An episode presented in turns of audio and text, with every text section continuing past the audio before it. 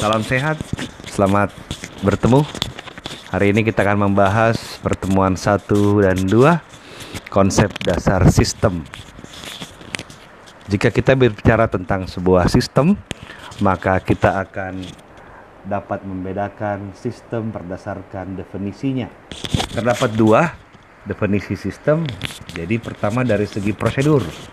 Jika kita memandang sistem dari segi prosedur, maka kita akan melihat bahwa sistem itu adalah sebuah kumpulan jaringan kerja dari prosedur-prosedur yang saling berhubungan untuk melakukan suatu kegiatan mencapai sasaran tertentu. Nah, kita lihat ini jika Anda di organisasi, di kantor, maka prosedur-prosedur tata kerja, kelola, sebuah pekerjaan dilakukan bagian A ke bagian B, bagian B ke bagian C dan sampai kepada kearsipan, maka itu adalah sebuah sistem berdasarkan prosedurnya. Yang kedua, sistem berdasarkan komponen, maka kita akan memandang sistem yang terdiri dari unit-unit atau komponen-komponen yang saling berinteraksi, saling berhubungan satu dengan yang lainnya. Nah, Uh, sebagai contoh, jika dalam sebuah organisasi kita memandang eh, bagian-bagian uh, dalam organisasi itu, maka bagian-bagian itu dinamakan sebagai sebuah subsistem yang saling berinteraksi dengan bagian yang lain untuk membentuk sebuah dan menghasilkan tujuan tertentu. Nah, lanjut sistem dapat kita bagi-bagi berdasarkan sifat dan karakternya. Pertama, sistem yang jika kita pandang dari sebuah komponen. Komponen sistem terdiri dari bagian-bagian yang saling berinteraksi satu sama lainnya.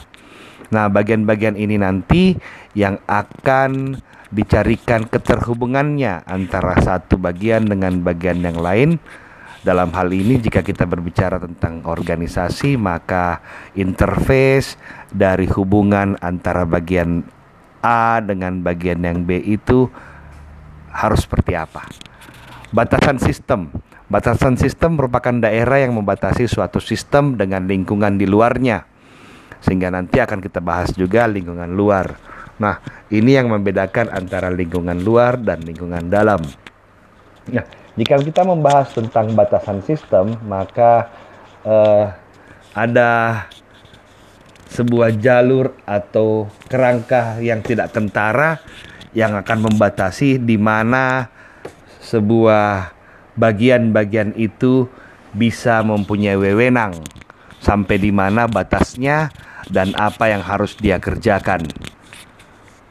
Ketiga adalah lingkungan luar sistem, adalah lingkungan luar dari sistem yang dapat mempengaruhi sistem. Contoh jika kita dengan organisasi dan pemerintah, maka organisasi kita akan terpengaruh dari peraturan pemerintah, kebijakan-kebijakan pemerintah dan seterusnya.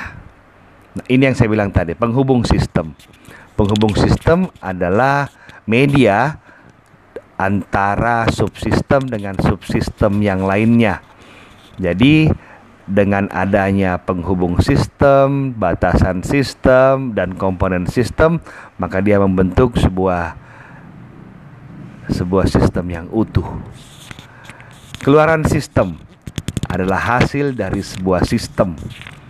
Ini menjadi tolak ukur apakah proses input output itu berhasil atau tidak.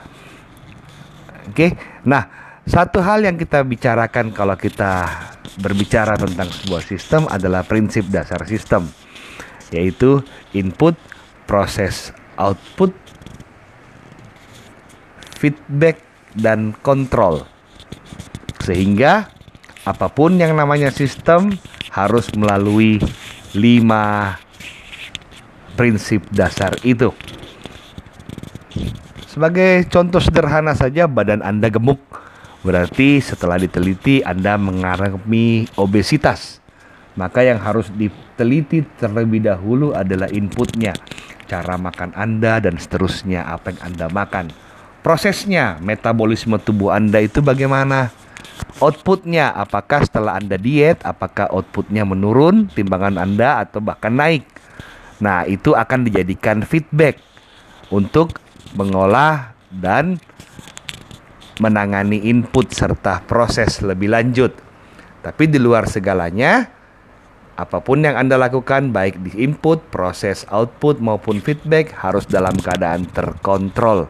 Karena apa pun yang tidak terkontrol pasti tidak akan menghasilkan hal yang lebih baik lagi.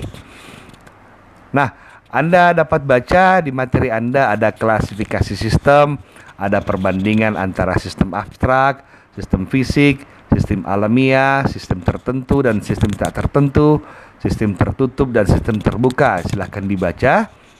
Yang ingin saya tekankan adalah kita akan masuk ke dalam konsep dasar sistem informasi. Nah, dari katanya sendiri terbagi dari dua kata sistem dan informasi. Sistem kita sudah tahu, sedangkan informasi itu adalah data yang sudah diolah dan berniat dan berlaku dan bermanfaat bagi penerimanya. Siklus informasi Anda dapat lihat bahwa mulai dari data, informasi, keputusan, tindakan, dan hasil dari tindakan itu serta akan dilakukan feedback ke dalam data sendiri. Berbicara tentang sistem, sorry, berbicara tentang informasi, kita akan berbicara tentang kualitas informasi. Kualitas informasi ditentukan dari empat kriteria. Pertama, akurat. Seberapa tepat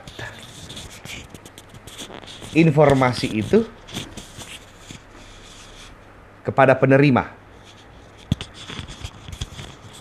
Sebagai contoh, kita lagi ujian, ujian konsep sistem informasi. Anda nyontek, Anda minta jawaban dari teman Anda. Hei, minta jawaban dong, nomor satu tapi dikasih nomor dua itu tidak aku akurat oke yang kedua setelah dia akurat dia tepat waktu. Minta jawaban dong. Nomor satu. Dikasih nomor satu tapi setelah habis final. Habis ujian baru dikasih. Ah itu berarti tidak tepat wak waktu. Yang ketiga relevan. Yang kita minta itu adalah apa yang kita dapat. Itu bermanfaat bagi pemakainya. Anda minta jawaban nomor satu, dikasih nomor satu, tapi nomor satu dari mata kuliah lain, bukan dari mata kuliah KS KSI. Dia menjadi masalah. Yang keempat, uh, berdasarkan nilainya, seberapa banyak biaya yang Anda keluarkan untuk mendapatkan informasi itu. Anda harus bisa menghitung uh, NPV, net present value, Anda bisa bisa menghitung, Anda harus bisa menghitung uh, net present value, ya net present value. Untuk menghitung apakah biaya yang saya keluarkan itu sesuai dengan manfaat yang saya dapat. Nah, setelah itu kita akan masuk dalam bagaimana sistem informasi itu berperan kepada organisasi. Seperti kita tahu bahwa komponen sistem itu ada input, proses, output, feedback yang akan melihat kembali input, proses, output itu serta dalam keadaan terkontrol. Nah, jika kita berbicara tentang sistem informasi dalam organisasi, kita akan berbicara tentang teknologi. Kita akan berbicara tentang people sebagai orang di belakang teknologi itu. Kita akan berbicara tentang kebijakan untuk teknologi itu dan terakhir kita akan bicara tentang manfaat terhadap teknologi itu. Demikian pertemuan satu dan dua kita. Semoga berkenan. Silahkan didengar kembali.